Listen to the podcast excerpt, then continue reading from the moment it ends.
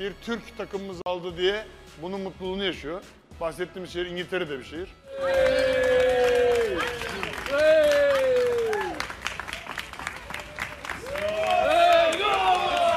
Hull City ile güzel başarılar elde edeceğiz.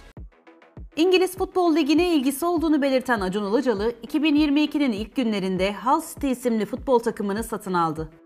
Ilıcalı verdiği bir röportajda uzun süre kulüp baktım. Bir takım sahibi olmak benim hayalimdi. Maddi imkanım oluşunca İngiltere'den takım almaya karar verdim. İngiliz futbolunun damarlarımdaki kana karışmasını istiyordum açıklamasında bulundu.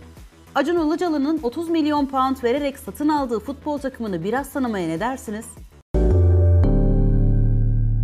Hull City 1904 yılında kurulan bir İngiliz futbol kulübü. 2014 yılında her yıl İngiltere'de düzenlenen dünyadaki ilk futbol yarışması olan The Football Association Challenge Cup finaline yükseldi ve takımın tarihindeki en büyük başarısı oldu. But it's given Hull City the underdogs. Kehribar ve siyah renklere sahip olan futbol kulübü 2014-2015 sezonunda UEFA Avrupa Ligi playofflarında mücadele etti. 2010 yılında Mısır asıllı İngiliz iş insanı Assem Alam tarafından 70 milyon sterline satın alındı.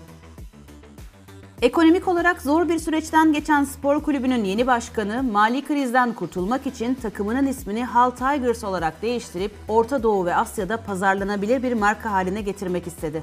İşte bu değişiklik 2013-2014 futbol sezonunun en önemli taraftar olaylarından birinin yaşanmasına neden oldu.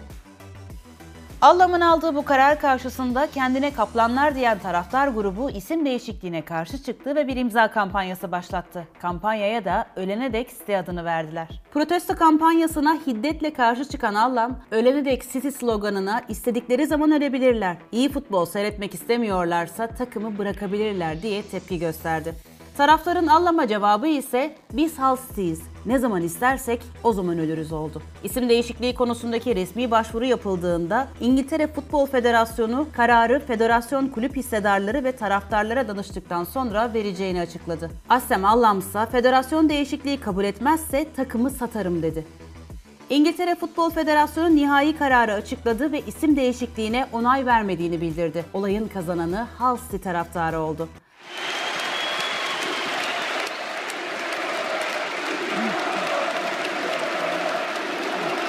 Asem Allamsa sözümü tutuyorum, takımı satıyorum dedi. Fakat o günlerde kulübe bir talip çıkmadı. Allam da kimse almazsa City'yi bedelsiz olarak bırakacağını söyledi.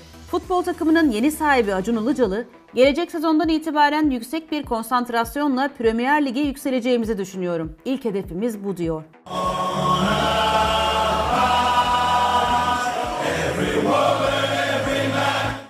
sizce Hull City Premier Lig'e çıkabilir mi? Yorumlarınızı bekliyoruz. Videomuzu beğenmeyi ve Oda TV'ye abone olmayı unutmayın.